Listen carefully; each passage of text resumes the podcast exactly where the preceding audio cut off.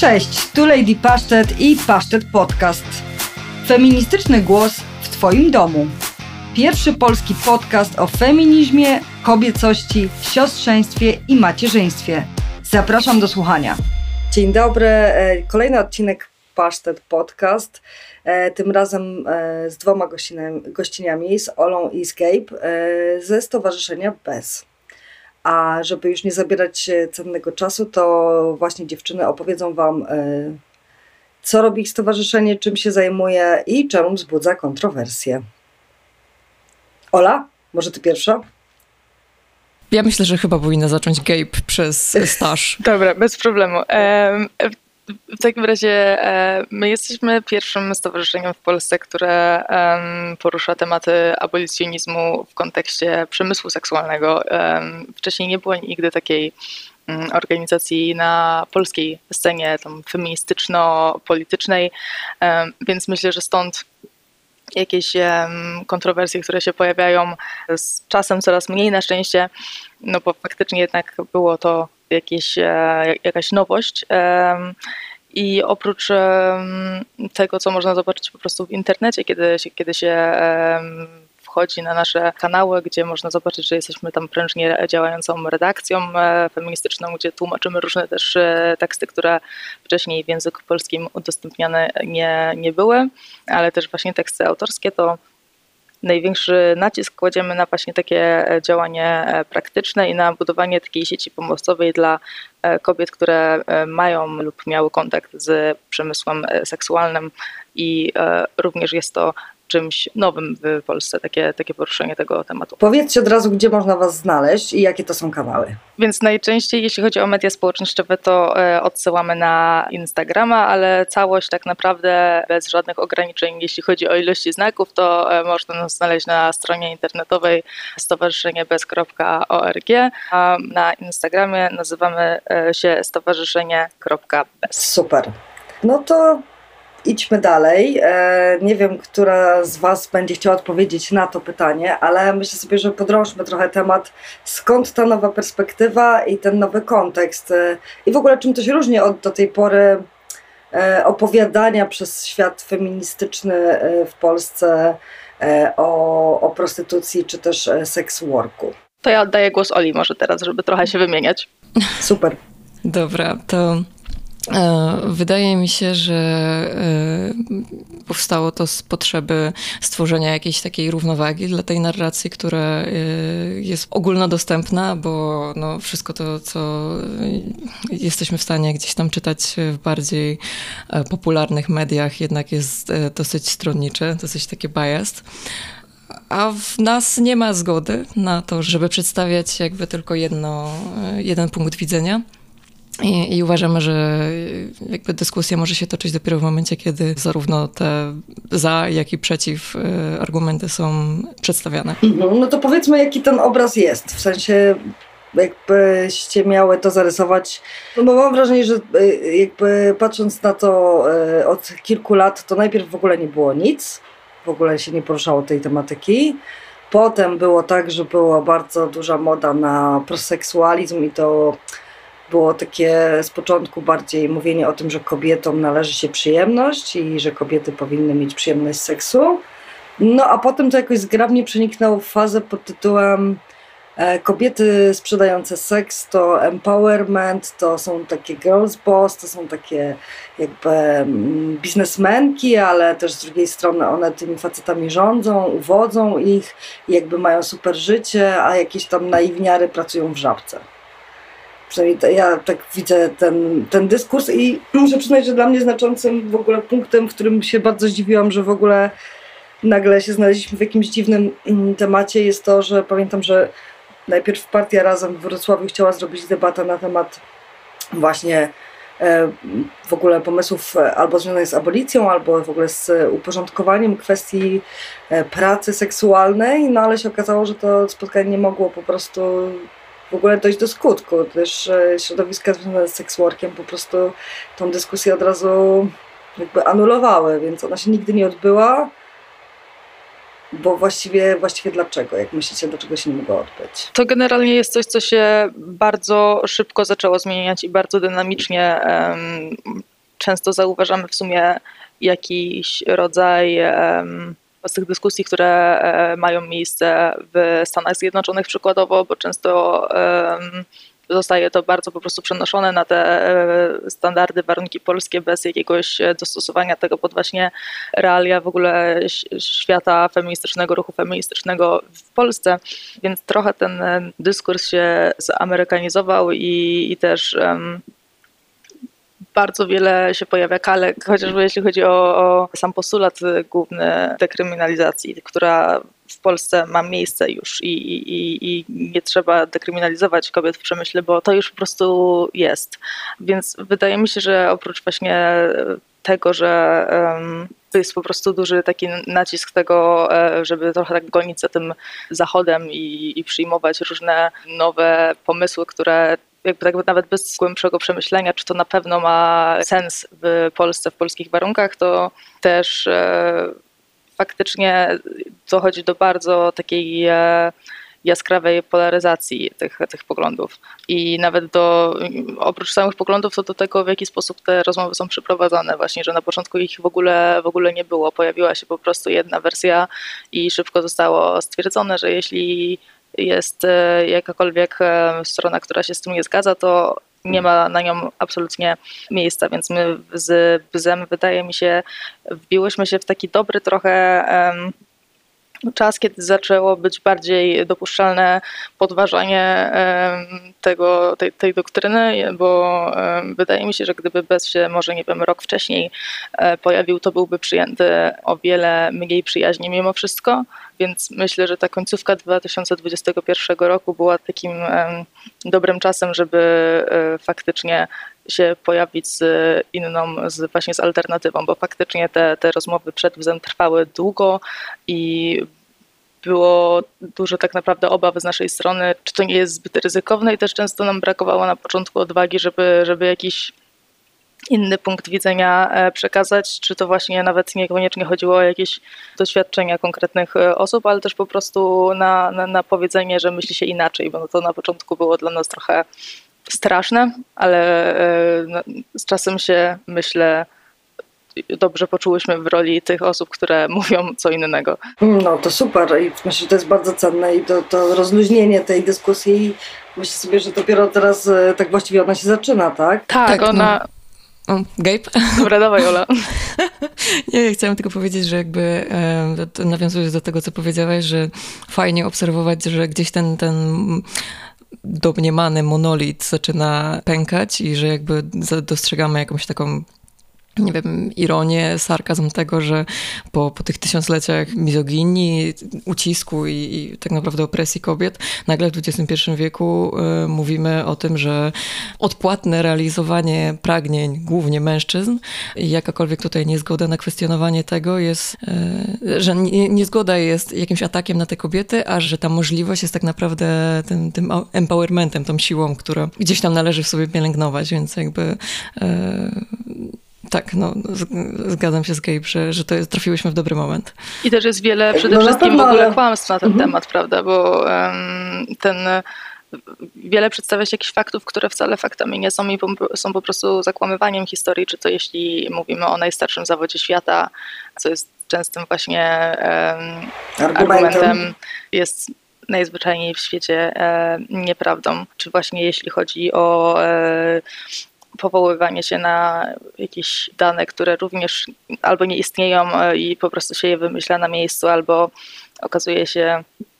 e, że były przez różne tendencyjne organizacje finansowane, czy też, e, że po prostu były źle przeprowadzane. I wydaje mi się, że właśnie sama jakaś taka obecność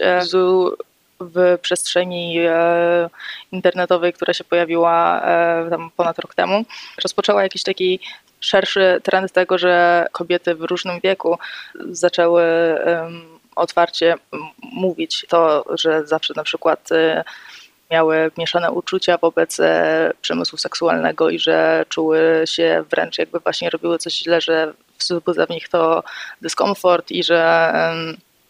po prostu przez to, że nacisk dookoła był na jedną prawidłową wersję, to dopiero kiedy okazało się, że nie są jakoś w tym odizolowane i E, osamotnione, to, że nie jest z nimi nic nie tak, e, że, że, że czują, że to jest uprzedmiotowiające wobec nich, że przede wszystkim mają, mają prawo tak czuć, że e, to nie jest,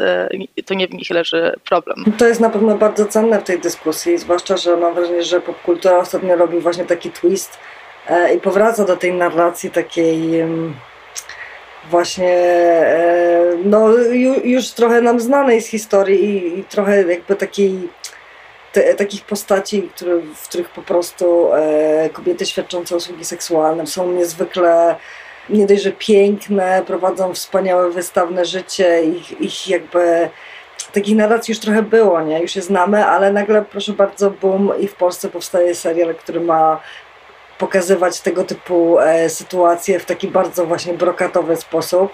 czy podcasty, czy też innego rodzaju spotkania. Jakby ja mam wrażenie, że bardzo dużo tego się pojawiło w naszej przestrzeni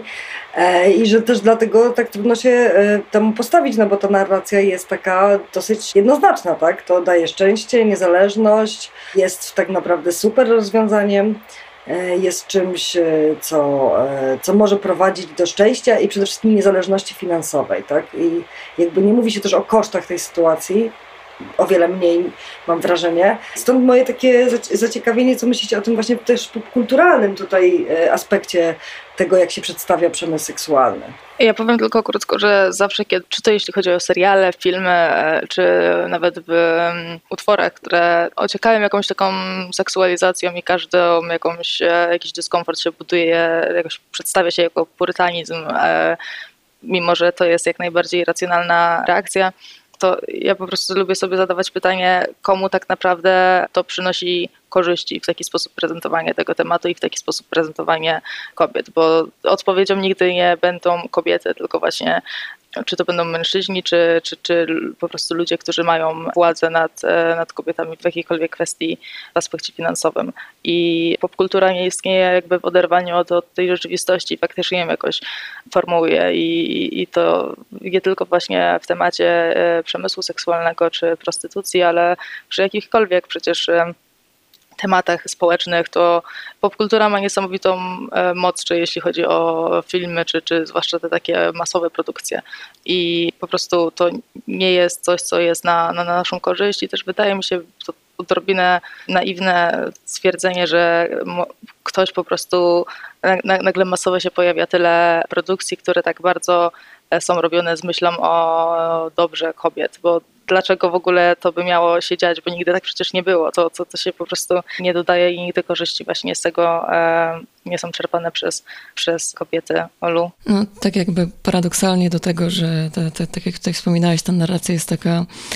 jakby obfita, jeśli chodzi o ten, ten e, seks pozytywny fragment, to tak naprawdę jakby trzeba pamiętać, że, że ta taka afirmująca narracja dotycząca prostytucji tak naprawdę e, to jest głos niedużego odsetka kobiet, że to nieliczne zostają tymi ekskluzywnymi eskortkami, czy, czy, czy ma, mają jakby możliwość e, dobierania sobie klientów e, w, zgodnie z tym, co same czują i gdzie się czują bezpiecznie, a, a tak naprawdę większość e, osób, kobiet w prostytucji żyje w przymusie i jest eksploatowane. I jakby nie możemy pamiętać, że nie możemy pamiętać, musimy pamiętać, nie możemy zapomnieć,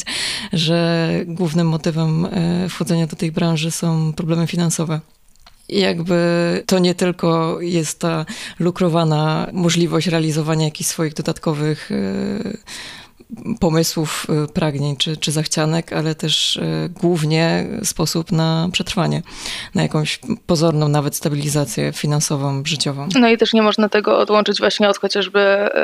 y, handlu ludźmi, wbrew temu, co często jest mówione, że to są dwa zupełnie odrębne zjawiska, które nie mają w ogóle jakiegokolwiek wpływu na siebie. Większość właśnie przypadków handlu ludźmi ma miejsce w przemyśle seksualnym i tak jak handel ludźmi nie zawsze oznacza przemysł seksualny, bo to może być jakakolwiek e, praca fizyczna, czy inne właśnie sposoby czerpania jakichś korzyści finansowych, czy jakiekolwiek formy niewolnictwa, to najczęściej jest to właśnie prostytucja i sprzedawanie dziewcząt i, i, i kobiet um, właśnie dla korzyści seksualnych. I to jest tak bardzo ze sobą ściśle powiązane, że nie wyobrażam sobie przedstawiać to jako dwie rzeczy, które w życiu nie mają żadnego na siebie jakiegoś oddziaływania, bo jednak chodzi o ten popyt, który istnieje i e, popyt tych obu zjawisk jest taki sam. I gdyby e, zjawiska kupowania seksu nie było, to nikt faktycznie wtedy by nie chciał tych kobiet wykorzystywać, dziewcząt wykorzystywać, bo to też najczęściej zaczyna się bardzo, bardzo młodo jest się do, do, do takiego przemysłu e, wciąganą. Czy to właśnie przez e, wszelkie sposoby po prostu przymusu, bardziej e, jakieś czynniki ludzkie, czy jeśli właśnie chodzi o, o jakieś sutenerstwo, czy jeśli po prostu chodzi o, o, o ubóstwo, to zaczyna się bardzo, bardzo szybko i często nawet kiedy nie jest się e, osobą pełnoletnią. No i właśnie dlatego myślałam o tym, żebyście wspomniały, bo wydaje mi się to bardzo ważne, e, to co pojawia się na waszej stronie internetowej, o czym też e, wspominacie. Wasze działania mm, takie mm, ostrzegające, dające znać, jakby dające wskazówki, jak rozpoznać, że praca, która brzmi bardzo atrakcyjnie, może być właśnie swego rodzaju pułapką i, i jak się przed tym bronić. Czy możecie o tym e, trochę więcej opowiedzieć? Więc zazwyczaj teraz e, młode kobiety e, szukają pracy przez e, internet. To jest dość e, praktyka chodzenia i gdzieś tam składania swojego CV jest coraz mniej w ogóle możliwa. I kiedy wejdzie się na jakikolwiek, czy to OLX, czy nawet na Facebooka, do którego każdy ma przecież e, bardzo trudno jest teraz znaleźć kogoś, kto nie ma tam konta i to nie jest, jakby jest tam też mnóstwo osób e, młodych to na tych różnych grupach, na przykład, gdzie się wystawia oferty pracy, można bardzo szybko znajdować e, takie oferty, które są przede wszystkim e, lakoniczne, nie podają konkretów tak naprawdę. Często padają hasła obsługi czatów, obsługa portali amerykańskich, nawet jakieś adminki czatów czy grup i zawsze jest duża pensja po prostu jest podawana, jeśli w ogóle jest. I e, są nawet hasła takie jak wysokie zarobki, bardzo po prostu bezpośrednio i wszystko to wygląda jakby po prostu dzięki adminowaniu jakiemuś czatowi można zyskać 10 tysięcy miesięcznie. I kiedy sobie scrollujesz e, Facebooka czy tam OLX-a mając 20 lat i, i jesteś załóżmy na, na studiach i e, wiesz, że to jakby przydałyby się przecież e, pieniądze dodatkowe, to to brzmi po prostu kusząco, bo to brzmi jak praca, która nie jest nie jest trudna, przede wszystkim można ją wykonywać zdalnie i wydaje się to być czymś e, takim trochę dodatkowym dorobkiem, taką side hustle. Te widełki często są bardzo wysokie, często jest mówione też, że to jest praca dla młodych kobiet, że szukają osób ze statusami studenta, Często też e, szukają hostes i oferują tygodniówki, elastyczne grafiki. Tak naprawdę to e, można zobaczyć jakoś nawet przed pojawieniem się na rozmowie rekrutacyjnej, czy to są takie właśnie miejsca, które mogą wciągnąć e, ciebie w przemysł seksualny i to bardzo szybko się jakby robi jasne podczas konwersacji z osobami, które właśnie takie ogłoszenia wstawiają, bo często proszą żeby wysyłać e, zdjęcia swoje, albo też mówią o tym, że to no, po prostu też kwestia trochę e, modelingu, więc po prostu trzeba mieć miłą aparycję, więc e, nie mają w ogóle jakichś hamulców, żeby po prostu prosić o to, żeby wysyłać dużo swoich zdjęć, żeby sprawdzić najpierw jak się wygląda. To w ogóle nie wygląda jak taka profesjonalna rekrutacja. Też zdarza się, że szukają modelek do w ogóle, załóżmy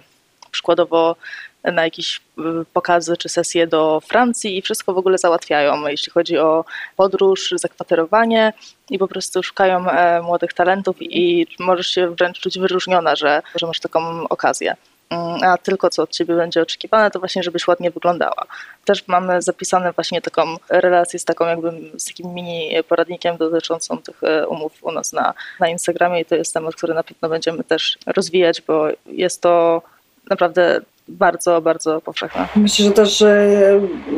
no, niezwykle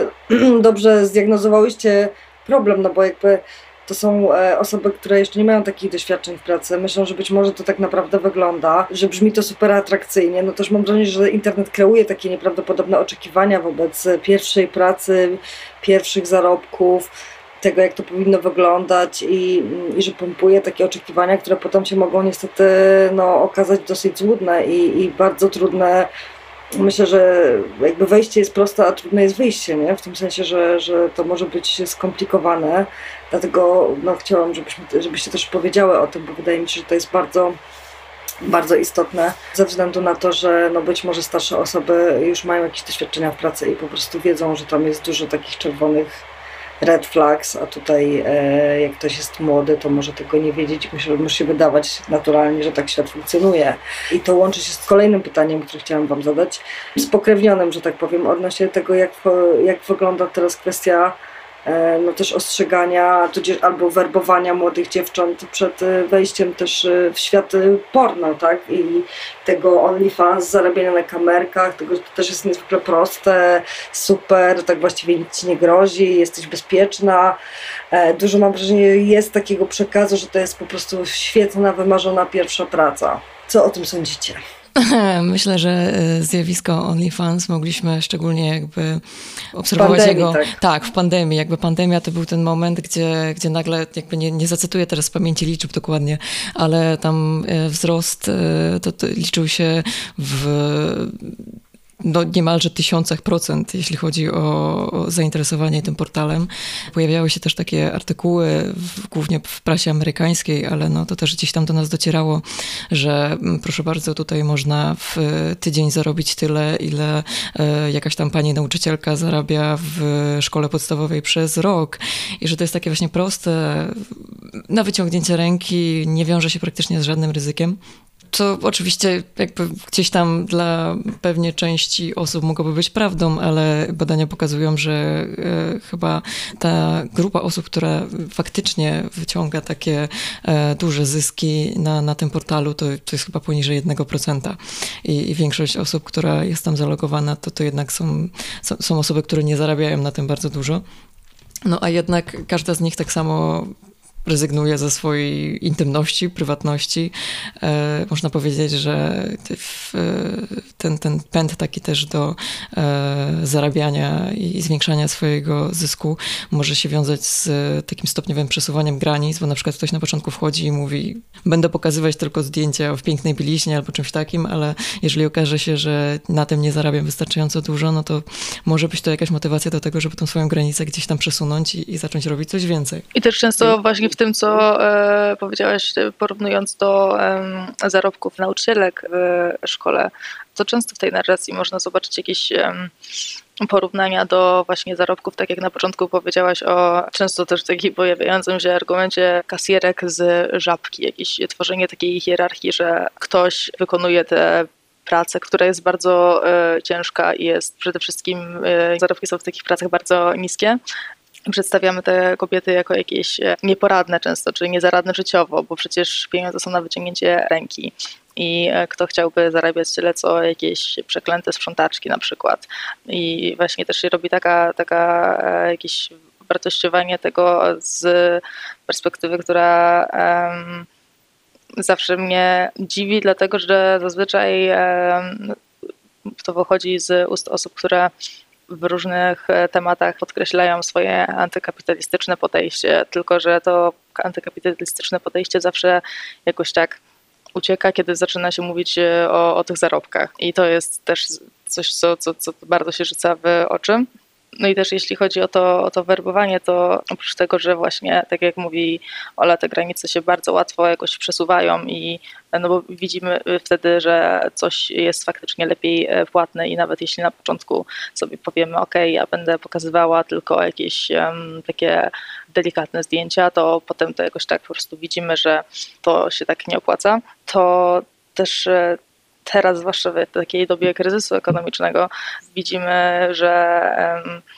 dużo osób pokazuje to jako taki szybki jakieś dorabianie z boku. I to jest coś, co właśnie jasno pokazuje, że jeśli sytuacja ekonomiczna jest e, zła, to to jest twoje jakieś takie wyjście uniwersalne. Na wszelkich nawet e, grupach na Facebooku, gdzie padają takie właśnie pytania, jak sobie jakoś zabezpieczyć budżet, czy jak dorobić, bo trudno spinać teraz koniec końcem, jakie macie sposoby na jakieś zarabianie dodatkowe. To oprócz właśnie jakichś tak mm, odpowiedzi dość takich e, standardowych, zwykłych, jak jakieś tam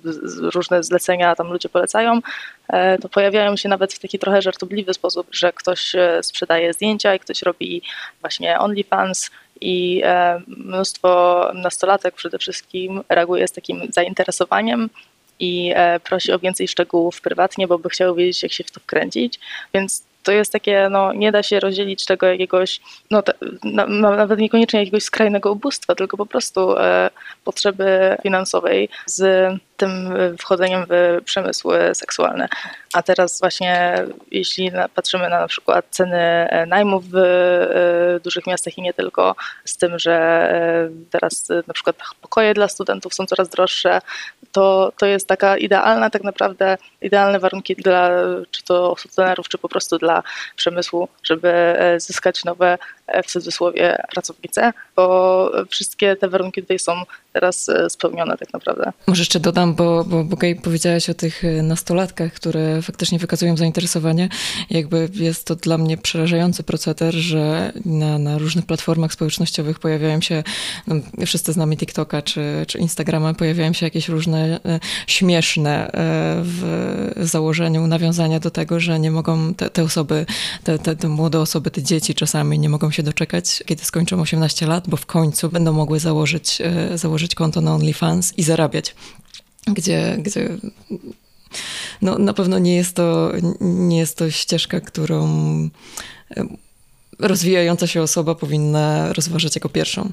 E, I, i że jest, jest, jest, czymś strasznym, że, że, że społeczeństwo jakoś przekonało nas, że sprzedawanie swoich ciał, szczególnie ciał kobiet, jest e, oznaką jakiejś wolności i emancypacji. No właśnie tutaj no, dlatego staram się trochę podrążyć ten temat właśnie, jak, jak to się stało, że teraz e, zamiast, no nie wiem,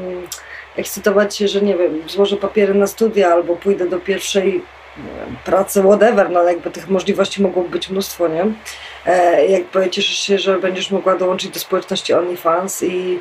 e, no i w ten sposób zarabiać pieniądze i e, ta normalizacja tego jest e, dla mnie niepokojąca, bo mam wrażenie, że po prostu e, też e, no, no, rzeczywiście no, oprócz waszego stowarzyszenia czy tam pojedynczych głosów mało się mówi o tym, że no jakby to ma też swoje koszty, tak? Ma też swoje, swoje ciemne strony i, i problemy związane z tym. E, super, y, że, że też pojawia się inna narracja, no nie wiem, czy to bloga Świętej Ladacznicy, tak, która kiedyś była taką bardzo znaną w internecie, chociaż wiecie, to pewnie brzmi teraz boomersko, bo jestem już stara, to kto to, to, to, czytał kiedyś jakieś tam blogi, ale fakt faktem, że, że kiedyś to była taka mm, postać, do której wiele aspirowało, nie? Y, a teraz ona pisze o tym, że no niestety rezultat, z jakim wychodzi z tego wszystkiego, to nie, nie, jest, nie jest optymistyczny, tak? Jest bardzo jej trudno w życiu i prywatnym, i takim zawodowym, bo, no bo to nie są takie tylko właśnie jednoznaczne kwestie. Dlatego chciałam Was też zapytać, co myślicie o tym, że że dla młodych kobiet bycie praca w przemyśle seksualnym, czy w tej branży sex work jest po prostu równoznaczna z czymś feministycznym, tak? Tudzież właśnie to feministyczne porno to już tak 10 lat temu mogliśmy obserwować powstanie tego trendu. Teraz okazuje się, że wszystkie gwiazdy, które były uwielbiane, mają różnego rodzaju wyroki za gwałty i inne przestępstwa seksualne. Jak byście mogły to skomentować? Co myślicie o takiej, o, o tym pomieszaniu według mnie pojęć? To pewnie, e, pewnie Ola tutaj rozwinie temat zaraz, ale tak mm. tylko bym chciała e, dodać, że e, jeśli chodzi o, o wszelkie kwestie wirtualne, to nie mówi się o tym, że to tak naprawdę jest bardzo trudno później z tego internetu usunąć, e, że nawet kiedy, czy to nagrywamy jakieś, jakieś e, filmy na kamerkach, czy jeśli sprzedamy jakieś zdjęcia, to cały ten digital footprint, jak to się nazywa po angielsku, bardzo trudno jest e, później jakoś dojść do porozumienia z, czy to właśnie z, z tą stroną, która udostępniała wizerunek, żeby się go pozbyć. Tak, czy później właśnie nie mamy nawet gwarancji, kto to zeskrinował, kto to e, pozapisywał. Więc e, w innych obszarach czasami się mówi, że wszystko w internecie zostaje na zawsze, ale nie mówi się o tym wystarczająco, jeśli chodzi właśnie o sprzedawanie zdjęć, bo nieważne, czy to jest wyciek jakichś takich e, zdjęć, którego dokonuje jakiś e, były przemocowy partner i tutaj wiemy, że trudno jest tych zdjęć później usunąć, ale kiedy mówimy o tym aspekcie już bardziej związanym z seksualnością i z jakimś właśnie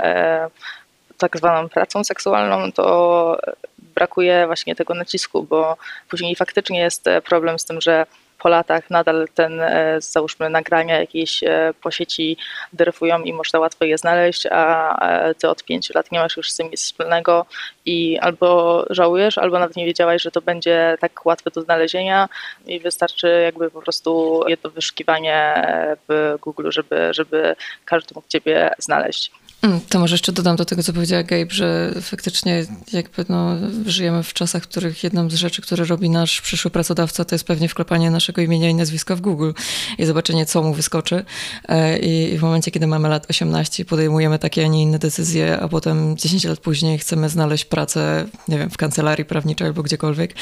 no to na pewno jest to rzecz, która gdzieś tam może do nas wrócić w nie, nie, nie tak przyjemny sposób, jakbyśmy chcieli. Już nie mówiąc o całej skali lęku i można powiedzieć, że nawet jakiegoś PTSD, jakiejś traumy wynikającej z tego, że, że zastanawiamy się, co się z tymi zdjęciami dzieje, co się dzieje z tymi nagraniami, czy one właśnie w pewnym momencie nie postanowią sobie e, przypomnieć e, o sobie. I tutaj może łatwo dojść mhm. przecież do szantażu jakiegokolwiek i właśnie, czy to jeśli chodzi o ludzi, którzy kiedyś ciebie oglądali i nagle ciebie gdzieś wynajdują pod nową tożsamością, czy to jeśli chodzi o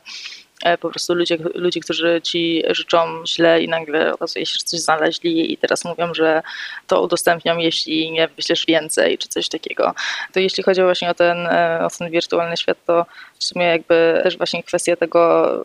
tej etycznej, załóżmy, pornografii, która jest też dość kontrowersyjna i często tak, zwłaszcza na początku, jak się pojawiała, była przedstawiana jako taka zdrowa alternatywa, no bo już e, okej, okay, no faktycznie ten Pornhub to trochę jest taki zły i tam bywały jakieś kontrowersje, ale jest feministyczne porno na szczęście, nie? Więc wszystko jest w porządku. I, I często się pojawia pytanie, że co jeśli faktycznie te aktorki są do tego w jakiś sposób no, nie są przymuszane i że jeśli to nie są takie właśnie ekstremalne sytuacje jak jakichś mainstreamowych produkcjach, które później mają e, najróżniejsze pozwy na karku, to też nie, jakby nie, nie wspomina się o tym, że to nawet nie jest taki problem jednostkowy, nie? I że nawet jakby chodzi, chodzi trochę o to, jak ta pornografia wpływa na ich odbiorców, na to, jak wpływa na e, ogół kobiet i że nawet jeśli podczas nagrywania nie doszło do jakichś bardzo e, okrutnych zbrodni i, i nadużyć, to nie jest po prostu taka czarno-biała kwestia, że o, nikomu się nie stała krzywda podczas nagrywania, wszystko jest w porządku, bo też y, jasno badania wskazują na to, że oglądanie e, pornografii faktycznie istnieje ta korelacja między oglądaniem pornografii a przemocą wobec kobiet. Że z jakimś w ogóle postrzeganiem kobiety jako przedmiot e, i od tego się nie da uciec nieważne, czy nazwiemy to pornografią etyczną, czy, czy nie. I staramy się właśnie pokazywać inną perspektywę niż tego takiego jednostkowego problemu, tylko że to jest coś, co no, dotyczy każdej kobiety i też dlatego każda kobieta może mieć na temat jakieś stanowisko, jakąś e, opinię przede wszystkim i że to nie jest kwestia po prostu wypowiadania się tylko jeśli w ogóle ma się ze sobą 10 lat jako ekskortka czy, czy, czy coś takiego, bo to jest temat, który dotyczy no tak naprawdę każdej, każdej kobiety to oddziałuje na, na każdą z nas, ten przeseksualizowany świat i, i jest to jakby, to, to, są zresztą tematy, które mogą e, być traumatyczne niezależnie od tego, jak bardzo miało się styczność z przemysłem tak osobiście, bo e, to wszystko siebie tak wzajemnie napędza i, i to wszystko tak oddziałuje. I każdy, ka, ka, każda z nas ma jakieś e, traumatyczne historie czy wspomnienia nawet z dzieciństwa czy wczesnych lat nastoletnich, jak tam, jak nas w jakiś sposób potraktowano, czy jakieś e, przeseksualizowane teksty, które padały nawet kiedy się miało lat 11, 12 czy to 16 i no one też również nie istnieją w, w próżni. To one też są jakoś tak napędzane przez najróżniejsze rzeczy. No ja bym powiedziała jeszcze, że, że pojawiają się od czasu do czasu takie, mam wrażenie, dyskusje na temat pornografii, że ona szkodzi mężczyznom w tym sensie, że oni mają kompleksy, albo myślą, że seks wygląda tak, a nie inaczej i tak dalej. Myślę, że często się zapomina o tym, że szkodzi również kobietom, bo właśnie przede wszystkim, niezależnie od intencji, czy to miało być feministyczne i takie bardziej zniuansowane spojrzenie, e, powiedzmy sobie, tego kobiecego oka kamery, czy mówimy tutaj właśnie o właściwie kultowym serwisie, nie? Pornhubie e, i innych, bo one takie mają status. To zapomina się o tym, że, że właśnie ten sposób patrzenia na kobietę i sposób eksploatacji kobiet i to, co tak naprawdę jest najczęściej wyszukiwanym e, materiałem i to, na co trafiają dzieci albo właśnie na co trafiają młodzież, to jakby szkodzi również przede wszystkim, znaczy szkodzi wszystkim, tak? E, I stąd e, mam wrażenie, że jesteśmy w jakimś takim przedziwnym momencie afirmacji i zachwytu nad ludzką seksualnością, co jest jakby super i tak powinno być, że, że ten temat nas interesuje i że nie jest nam obojętny. Ale mam wrażenie, że narzędzia, jakich, jakie są używane do tej, do tej dyskusji, są zupełnie jakieś no, nietrafione i że to że, że bardzo często się po prostu te kategorie ze sobą mieszają i że teraz się okazuje, że właśnie pornografia jest, jakby patrząc na historię w ogóle ruchu feministycznego, pornografia jest super feministyczna, właśnie seks jest, jest feministyczny. E, jakby to się w ogóle odłączyło od, e, od tego, co przez lata ten ruch sam w sobie twierdził, tak? I, i, że to jest taki ciekawy moment na, na oglądanie tej dyskusji. No właśnie, może najpierw zanim e, feministyczne porno i zanim porno, to feministyczne. Jakby wydaje mi się, że, że, że właśnie jesteśmy w tym momencie, gdzie nie pamiętamy już, co dokładnie to słowo znaczyło i teraz e, feministyczny feminizm to jest po prostu taka naklejka, czy taka foremka, do której można włożyć każdy element i nagle okazuje się być zupełnie czymś innym. E, I może to będzie taki trochę kolokwialny przykład, e, ale jakby tłumaczący trochę to, że nie każdy wybór feministki jest automatycznie feministyczny.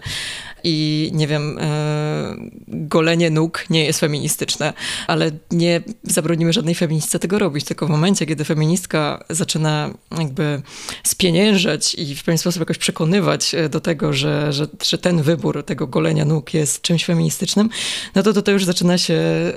jakby duży, duży problem, już nie mówiąc o, o całych interesach branży beauty i tak dalej, jeśli chodzi o samo to porównanie.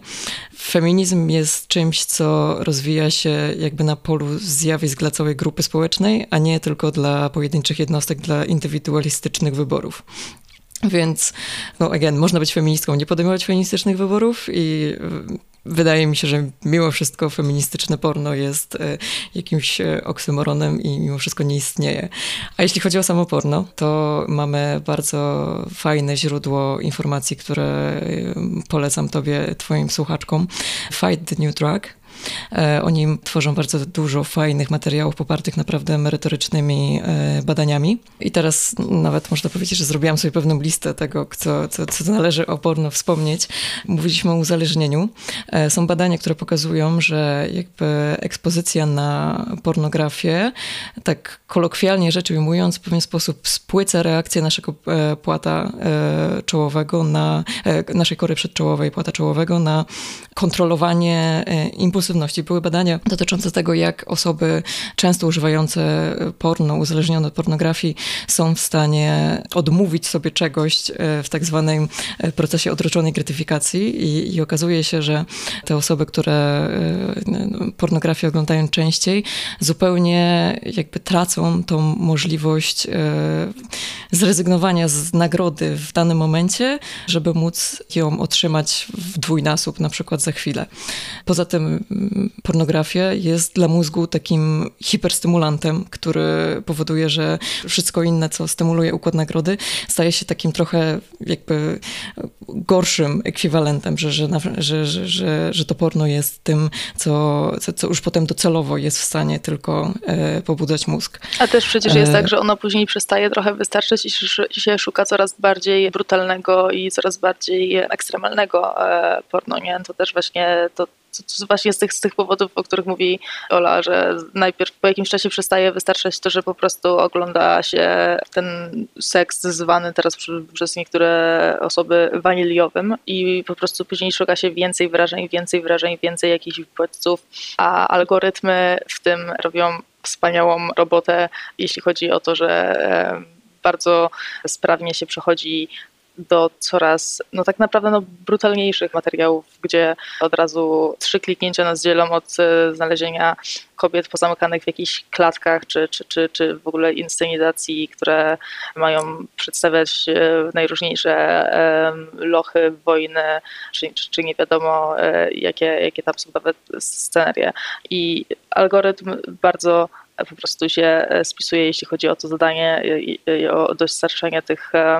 coraz bardziej jaskrawych bodźców. I już nie przerywam dalej. No tak, jakby totalnie układ nagrody nie znosi próżni i, i, potrzebuje coraz, coraz silniejszej e, motywacji do tego, żeby być pobudzonymi. O tym, co powiedziałaś, Gabe, e, na temat tego, że właściwie e, od, w trzy kliknięcia jesteśmy w stanie dotrzeć do takiego naprawdę hardkorowego, brutalnego e, porno. Są badania mówiące o tym, że prawie 90% analizowanych e, filmów zawierało przemoc e, fizyczną albo agresję,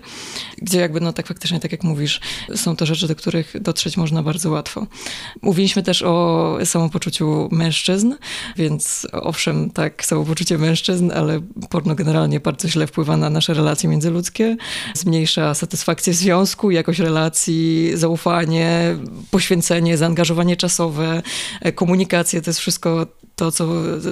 na czym odbija się negatywnie. E, I mówimy o mężczyznach, którzy mają mniejsze poczucie wartości, ale tak naprawdę partnerzy osób oglądających porno są w, tym, w tej relacji tak samo poszkodowani, jeżeli nawet nie bardziej, bo, bo też mają mniejsze poczucie własnej wartości, e, mniejszą satysfakcję z e, seksu, co potem może się przekładać na częstsze rozwody, rozstania. Już nie mówiąc o tym, że nie wiem, 50 lat temu zaburzenia erekcji dotyczyły głównie no, facetów po 50, którzy no, biologicznie stają się wtedy mniej sprawni. Tak teraz mamy już dwudziestolatków z zaburzeniami erekcji indukowanymi właśnie zbyt częstym oglądaniem pornografii. I to jest też podkładka pod przemoc przecież, mhm. prawda? Bo um, można um, później czytać różne opowieści czy, czy, czy, czy świadectwa kobiet, które opowiadały o tym, że e, jakby pornografia stała się dla ich partnerów, mężów jakimś częścią szantażu, że jeśli teraz nie będzie uprawiała z nim seksu, to oni po prostu się odwrócą do pornografii, to po prostu sobie obejrzą e, jakiś tam film i nie, nie będą po prostu jej potrzebowali do tego. Tutaj też e, dość nowa, e, no, no, nowa rzecz na, na, na rynku to są właśnie lalki seksualne, te sex dolls i to one też właśnie pełnią tu taką rolę jakiejś manipulacji, szantażu w relacjach i no czy to właśnie pornografia, czy to te e, teraz e, no, nowości, jakimi są właśnie te lalki, to one często są wykorzystywane po prostu do właśnie jakiegoś, do, do, do przemocy emocjonalnej w takich związkach i jakby tego było mało, to te kobiety są później, jeśli nie czują się po prostu dobrze z tym, jak są e, traktowane i w jaki sposób jest ta e, ich seksualność traktowana w relacji, dzielą się tym z, z, ze światem, czy to na jakichś forach, czy to e, właśnie szukając jakiejś rady wśród bliskich i usłyszą, że powinny się zrelaksować i powinny po prostu nie być tak spięte i że to przecież nie jest taka, taka, taka wielka sprawa. No i że po prostu trochę brakuje w nich tego wyzwolenia seksualnego, że problem leży w nich, a nie w tym zachowaniu partnera, który zaczyna przesuwać coraz bardziej granice. Ja, ja mam wrażenie, że to w ogóle teraz wróciła ta dyskusja do tego nurtu, że jeżeli kobieta ma inne zdanie, coś jej się nie podoba, albo albo uważa, że narusza tej granice, albo psuje jej to jakby, no, no jakby cokolwiek jej nie gra, to zostaje w tym momencie konserwatystką, purytanką jakąś taką bigotką, nie? Że, że to przesuwa, mm, że, że ta dyskusja wygląda tak, że nie można mieć innego zdania i, i spróbować go jakoś tam mm, wy, wypowiadać, ponieważ od razu właśnie y, zyskuje się tutaj taki, a nie inny przydomek. Myślę sobie też, że, że tych materiałów jest też całkiem ostatnio sporo. Jest taka książka Elżbiety Turley, Fuck Fame Endgame, której y, robiłam recenzję i właśnie tam ten, mm, wiecie, już jestem bardziej bliżej 40 niż 20, e, ale przeraziło mnie to, że, że ci młodzi chłopcy, których ona tam wypytywała o różne rzeczy, że oni w ogóle twierdzili, że ten taki seks kobiety jest po prostu nieatrakcyjny, tak? Że jakby to, to, to jest już e, że to jest rozczarowujące, że to właśnie wymaga, one czegoś wymagają, e, oni nie wiedzą tak do końca o co im chodzi, a tutaj to wszystko jest takie proste, ekscytujące, e, nie ma doznania zawodu, nic żenującego się nie wydarzy, że jakby e, ten seks się po prostu odrealnia od takiego bycia ludzkim, nie? E, I to też mi się wydaje bardzo niebezpieczne w tym przekazie, który tak gloryfikuje porno. Tak jak Ola poleciła I The New Track, to w tej tematyce, o której teraz wspominasz, dużo treści przydatnych można znaleźć u Collective Shout. I to jest taka grupa, um, która, e, jeśli tutaj teraz się nie mylę, jest z Australii i właśnie porusza nieustannie tematy tej e, seksualności, w tym właśnie e, wpływu tej przeseksualizowanej kultury na też młodych e, chłopców, bo często jak cokolwiek się mówi o kobietach, to się wtedy mówi, no dobra, no a co z mężczyznami, co z co z drugą, e, drugą stroną. Ten temat właśnie przemysłu seksualnego jest poruszany często też e, w naszych kręgach ze strony właśnie która jakoś dotyczy chłopców, tylko po prostu nie robimy tego w ten sposób, jaki chyba by się właśnie podobał e, ludziom. Bo nagle, kiedy zaczynamy o tym e, jakoś e, mówić, czy, czy w ogóle czytać i się okazuje, że właśnie przez, przez taką kulturę, w jakiej teraz żyjemy, to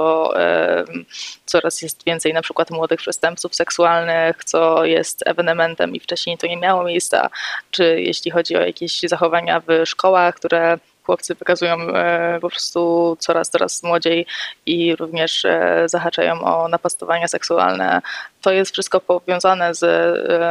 rozwojem przemysłu seksualnego, to jest powiązane z tą narracją, że ta seksualność kobiet jest tak naprawdę jakaś na sprzedaż i że taka normalizacja tego, że kobiety są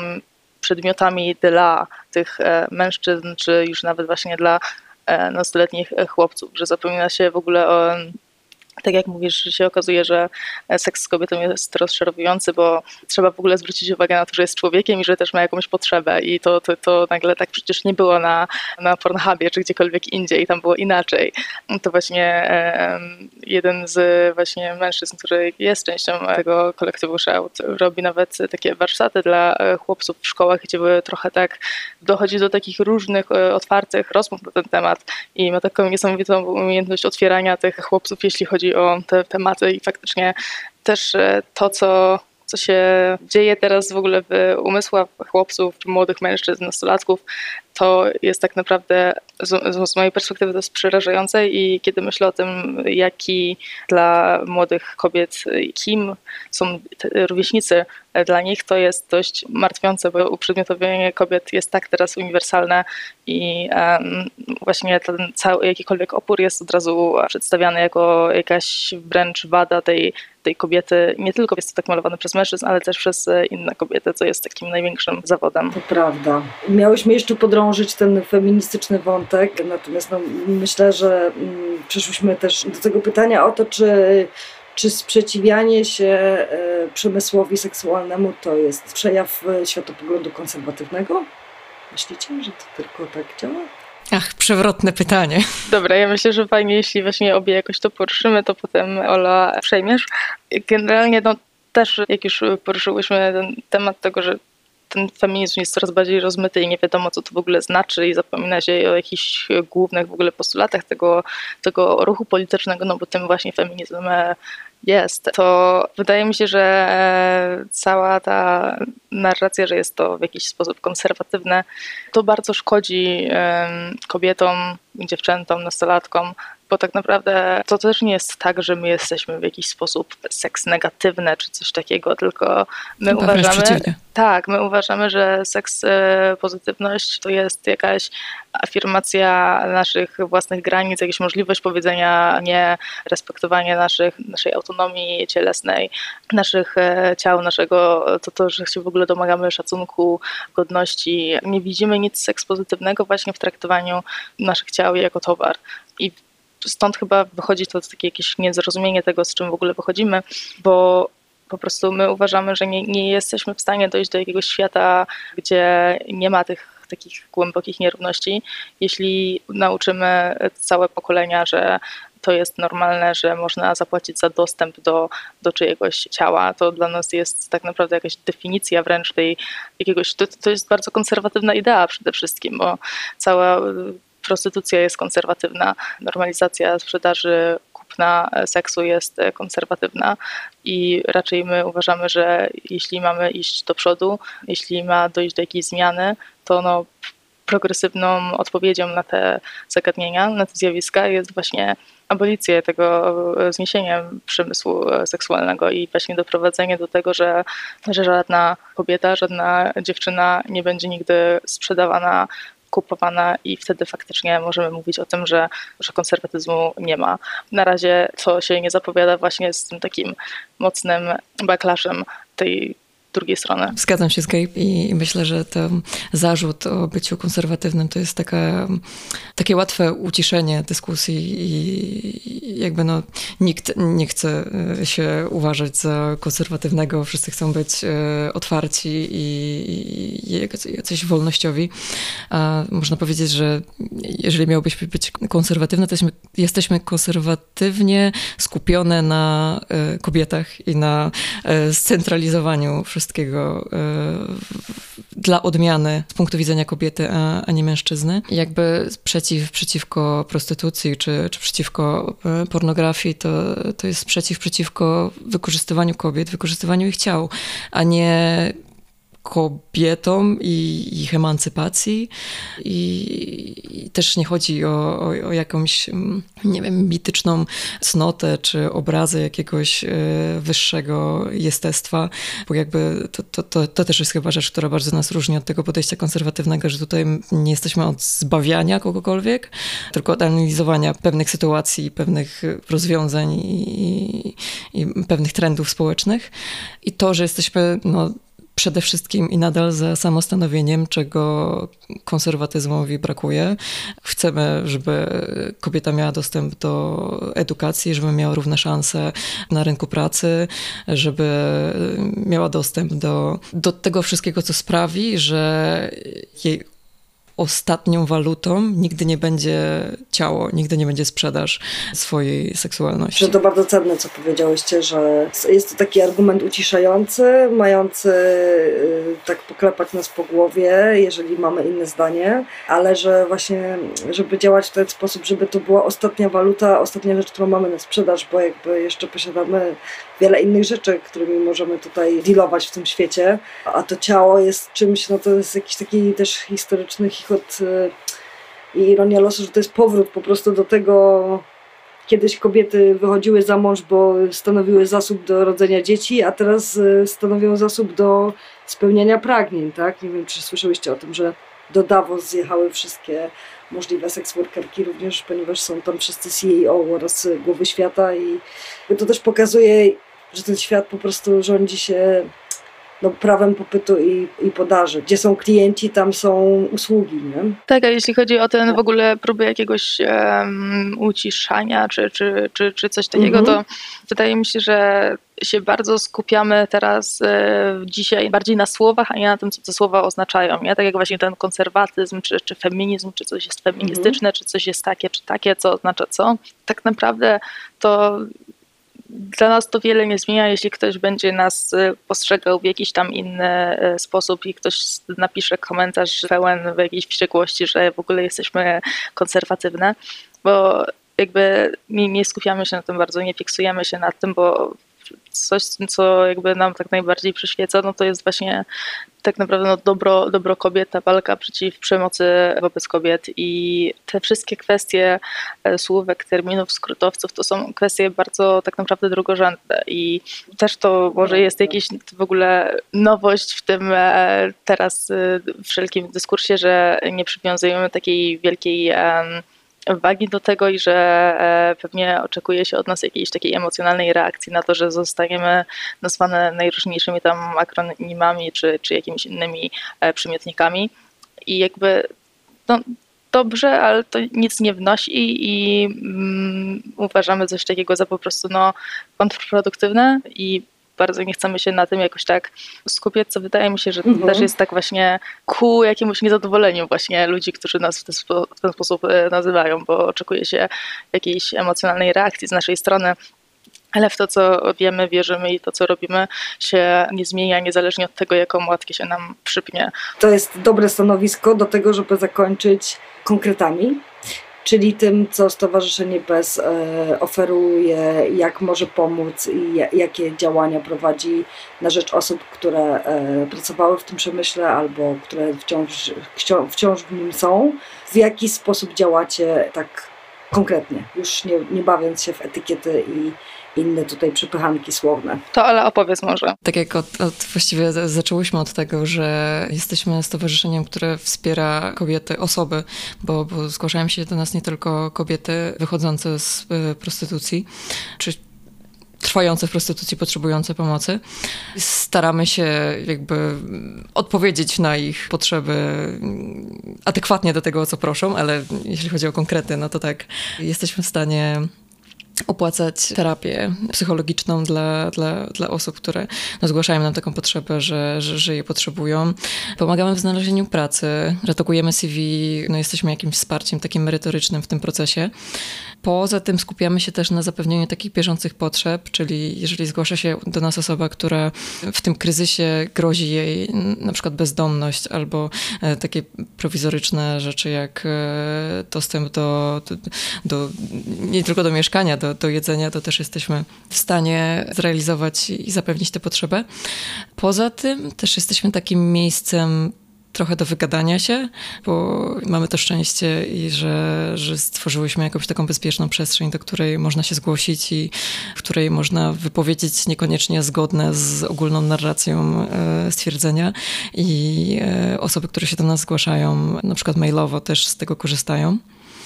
Gabe, coś jeszcze możesz dodać? No to również właśnie pomagamy w kwestiach takich jak na przykład e, stworzenie CV po tym, jak się było w przemyśle, więc wszelkiej jakby tak można powiedzieć ogólnikowo doradztwo zawodowe. I e, też no, skreślając, że te wszystkie, wszystko, co, co robimy, to są bezpłatne usługi. Jesteśmy właśnie w stanie w jakiś sposób, um, oprócz właśnie takiej darmowej pomocy przy tworzeniu CV, to przeprowadzić przez proces aplikacyjny, przygotowywać na rozmowę o pracę, wszelkie właśnie e, również wsparcie takie kryzysowe, jak właśnie pomoc psychologiczna, o której mówiła Ola, medyczna, właśnie jeśli chodzi załóżmy o no najczęściej ginekologię. Tak, e, to, to wtrącę Cię Gabe, że jesteśmy w trakcie e, budowania e, listy naszych zaufanych kontaktów do ginekolożek, ginekologów i mamy nadzieję, że, że, że będzie to taka lista, z której po prostu będziemy mogły korzystać w momencie, kiedy zgłosi do, się do nas osoba potrzebująca takiej pomocy. Tak, chcemy w takie jakby oficjalne współpracy też, też wchodzić. No, też jesteśmy w stanie jakiś takich pomóc nawiązać nawiązać wszelkie właśnie kontakty z, jeśli chodzi o na przykład pomoc prawną, to jesteśmy tą taką przejściem, które zagwarantuje kontakt z na przykład Centrum Praw Kobiet, czy z mhm. innymi fundacjami, organizacjami. Też jesteśmy gotowe na ewentualność taką jak aborcja, co właśnie nie jest najbardziej chyba konserwatywną ideą, więc tak, wszystko to można znaleźć u nas właśnie na stronie internetowej. Mamy osobną zakładkę, e, która e, ma hasło potrzebujesz pomocy i mamy tutaj właśnie wypisane, co, w jaki sposób możemy pomóc i, i e, mamy też adres e-mail. No i też no, my się generalnie szkolimy z psycholożkami, żeby jak najlepiej odpowiadać na, na takie potrzeby, więc jakby jesteśmy w stałym takim ruchu, żeby to wszystko ulepszać, żeby poszerzać najróżniejsze współprace, żeby to się wszystko tak rozrastało i żeby jak największe zaufanie wzbudzać. No mam nadzieję, że, że będzie Wam się to udawało i że, że Wasze działania się będą oczywiście przekładać na, na coraz większą rozpoznawalność. No i że zbudujecie docelowo, nie wiem jakie macie plany, ale zapowiada się, że, że, że, że, że będzie to stowarzyszenie prężnie działające. A może kiedyś będzie tak, że w ogóle jego działania nie będą potrzebne. Tak by było chyba najlepiej, jakby się okazało, że po prostu już nie mamy racji bytu i nikt nie potrzebuje naszej pomocy, bo jest tak już dobrze. Już nie musicie nic zrobić. To by było super, to by było pięknie. E, a póki co wiem, że można Was wesprzeć, porobicie zrzutki celowe, no ale pewnie nie, wiem, czy i, różnego rodzaju wpłaty, albo czy prowadzicie jakieś takie działania, gdzie, gdzie można się na przykład dorzucić to o tym też fajnie było, jakbyście powiedziały. Mamy Patronite'a, mhm. um, ale to, to jest super. właśnie taka opcja comiesięczna, ale mamy też możliwość właśnie po prostu takich wpłat e, jednorazowych, e, darowizn na cele statutowe i to również właśnie, e, jeśli chodzi o ten do przelewu, są u nas tam do znalezienia. No a właśnie w jakichś takich sytuacjach bardzo interwencyjnych, kryzysowych, to właśnie no, zdarzyło się chociażby ostatnio założyć jakąś tam zrzutkę, ale to była taka jednorazowa sytuacja, bo zazwyczaj właśnie bazujemy na tym patronajcie i na, no, na darowiznach. Okej, okay, ale, ale zawsze, że tak powiem, warto przypomnieć, gdzie można Was tutaj znaleźć, na Instagramie, na Facebooku i na Patronajcie. Zgadza się. Tak, dziękuję Wam bardzo za, za tę rozmowę i za, za chęć dyskutowania na ten temat. Bardzo miło było Was gościć, a moimi gościnami była Ola Walter i Gabe Wilczyńska ze Stowarzyszenia BES. Bardzo dziękuję. Dziękujemy bardzo. Dziękujemy Ci bardzo.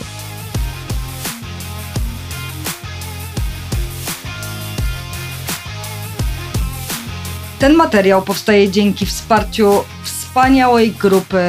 patronów i patronek na portalu patronite.pl.